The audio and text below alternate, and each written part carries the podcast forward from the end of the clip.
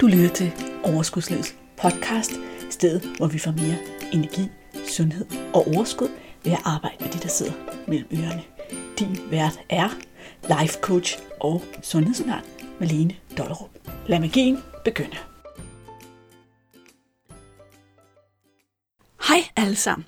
Velkommen tilbage fra sommerferie. Nu er Overskudslivets podcast endelig i luften igen. Vi er tilbage med en spritny episode i dit øre. Er du klar?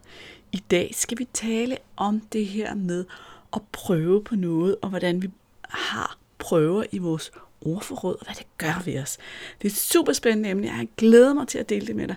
Jeg har i det hele taget glædet mig til at være sammen med dig og hænge ud i dit øre igen efter en dejlig sommerferie, hvor vi alle sammen har forhåbentlig haft tid til at oplade batterierne lidt og skrue lidt ned for hastigheden af vores liv. Inden vi starter, så kommer jeg til at tænke på, at måske har du rent faktisk så meget energi nu, at du lige kan overskue og smutte ind i din podcast-app og anmelde den her podcast. Giv den nogle stjerner, skriv et par ord om, hvorfor du er glad for at lytte med. Det vil jeg bare elske, elske, elske. Så det var min lille bøn til dig. Men nu skal vi altså i gang. Nu skal vi i gang med at snakke om den her sætning. Jeg prøver.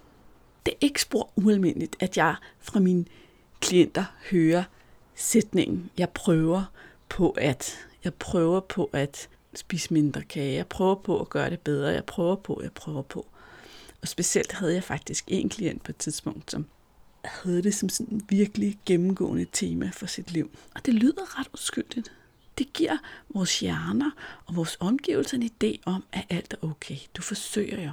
Men problemet med at sige, at jeg prøver om de handlinger, vi ønsker at gøre, eller det, vi ønsker at ændre, det er, at det også åbner op for at gøre noget halvt eller kvart, eller opgive det på vejen.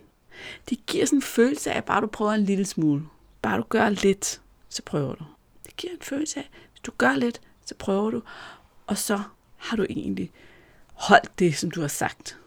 Men det giver ingen resultater. Prøv her. Jeg prøver at tabe mig. Jeg prøver på at spise mindre kage.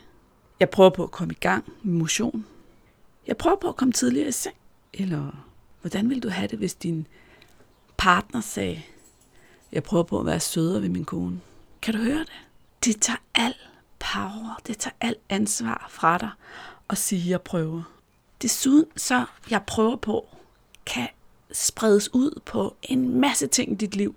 Og på den måde give dig mulighed for halvhjertet at føle, at du er i gang med at løse en masse problemer. Føle, at du er i gang med at ændre på alting på en gang, i stedet for at fokusere på, hvad du virkelig vil have løst. Prøv er ikke en handling. Det gentager jeg lige. At prøve på noget er ikke en handling. Det her eksempel, det har jeg fået fra min amerikanske coach, og jeg synes faktisk, det er rigtig godt. Hun fortæller, at hun på et tidspunkt blev bedt om at prøve på at rive et papir i stykker, og så fik hun et papir i hånden. Så begyndte hun at rive det i stykker, og så fik hun at vide, nej, nej, nej, nej, du skal prøve. Jamen, det gør jeg jo også. Nej, du gør det ikke, du river det i stykker. Du prøver ikke på at rive det i stykker, du river det i stykker. Enten river man papiret i stykker, eller også river man ikke papiret i stykker. Prøve på at rive et papir i stykker, det kan man faktisk ikke. Prøve er ikke en handling. Så enten så arbejder du på det, eller også så gør du ikke. Så hvis du ærligt og fra inden fra dig selv virkelig ønsker at ændre på noget, så må du altså væk fra prøver. Prøver skal ud. Prøver tager poweren fra dig.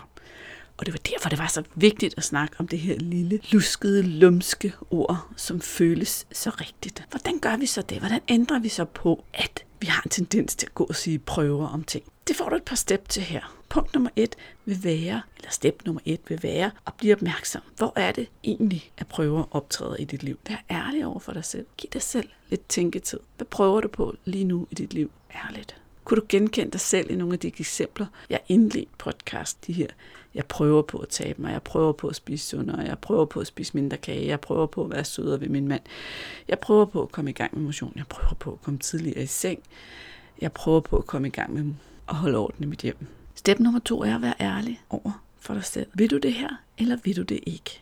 Træf en beslutning. Og her der vil jeg også gerne henvise til den podcast episode, der handler om at blive god til beslutninger. Jeg skal nok sætte et link i episodenoterne. Den hedder Bliv god til beslutninger. Så den her ting, du gerne vil ændre i dit liv, beslut dig. Er du klar til at gå all in på at skabe den her ændring, den her forandring? Gøre den her handling eller ej? Og hvis du er det, så beslut dig for at gøre det. Og husk at have din egen ryg. Hvad betyder det? Det betyder, at være villig til at fejle i forsøget. Vær villig til at prøve igen, når det ikke lykkes første gang og anden gang og tredje gang. Men hold fast i din beslutning. Du vil få det her til at ske. Step nummer tre. Når du ved, at du er ærlig, og du er klar, og du vil det her, så kan du eje det, du ønsker dig at gøre i et helt andet sprog. Du kan have et andet sprog omkring det. Lad os tage den første sætning, det første eksempel, jeg gav. Det her med, at jeg prøver at tabe mig. Nu kan du sige, jeg arbejder på at tabe mig. Jeg er i gang med at tabe mig. Det her, det er en handling. Det er noget, du gør. Det er noget, du aktivt har fokus på. Kan du høre det? Jeg taber mig. Det er ikke noget, jeg enten gør eller ikke gør. Det er noget, jeg gør. Jeg prøver på at være sundere. Det kunne også være, jeg øver mig i at være sundere. Øver er sådan den bløde version, hvis du ikke helt er der, hvor du kan arbejde på, jeg er sund. Jeg gør noget for at være sund. Så kan du bruge øver. Jeg prøver på at spise mindre kage. Jeg øver mig i at spise mindre kage. Det er stadigvæk nogle helt andre signaler, den sender til hjernen. Det sender dig signaler om, at du er i gang med at blive bedre til noget, at det er det, der skal være fokus på. Men endnu bedre, så er det at være konkret. Jeg spiser ikke længere kage. Det kan også være, at det ikke er sådan, at jeg øver mig ikke at spise så meget kage, ikke betyder, at du ikke vil spise kage. Så kan det være, at du skal være konkret og sige, jeg spiser maks kage en gang om ugen, eller jeg øver mig i at sige nej tak til kage. Sådan forskellige versioner, men alt sammen meget mere konkret og noget, du er i gang med. Kan du høre det? Men det er altså ikke lige meget, hvad du ændrer dit sprog til. Der er også nogle fælder. Du kan fx komme til at sige, jeg skal i gang med motion. Jeg skal i gang med.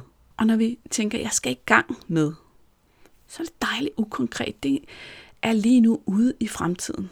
Og hjernen, den er sådan lidt, super, det er altid så behøver vi ikke spekulere mere over det. Det gør ikke ondt mere. Jeg har fortalt mig selv en historie om, at det, det problem er løst. Men i virkeligheden, så er du, så er du ukommittet. Du kan hele tiden udsætte noget, som bare, jeg skal i gang med at motionere, jeg skal i gang med at tabe mig. Det er sådan et uvist tidspunkt ude i fremtiden. Før sommerferien, der tænkte du måske, efter sommerferien skal jeg i gang med at sætte ind på vægttabsfronten. Men efter sommerferien, det er jo nu, mens du lytter til den her podcast. Det er til efteråret, det er til jul, det er til næste år. Det føles bare godt, da du tænkte det før sommerferien. Det betyder, at når vi arbejder med sproget omkring de ting, vi gerne vil, så skal vi også være konkrete. Også for at få vores hjerne med, og så at få noget action på. Så vær konkret. Hvordan vil du gøre det her? Hvornår vil du gøre det her? Når du kan sige, hvordan og hvornår, så er du committed. Så er det noget, du mener. Så er det noget, du ejer. Du kan fx sige, jeg skal i gang med motion. Jeg starter på det her hold, det her Zumba-hold, jeg har meldt mig til på mandag. Og det var så sket mandag lige poppet op i min hjerne, ikke? fordi det er jo den der kliché, jeg starter på mandag. Men det er konkret. Jeg vil, jeg vil være sådan en, der motionerer. Det vil jeg gøre ved, at hver mandag, der møder jeg op til mit Zumba-hold. Eller jeg har fundet et løbeprogram, og nu løber jeg tirsdag, torsdag og søndag kl. 17. Super på konkret. Vi kan også tage den der lille, jeg prøver på at være sødere ved min partner. Så kunne det jo være, jeg øver mig i at være sødere ved min mand, ved ikke at kommentere, når han gør tingene på en anden måde, end jeg gør. Når han gør tingene på sin måde.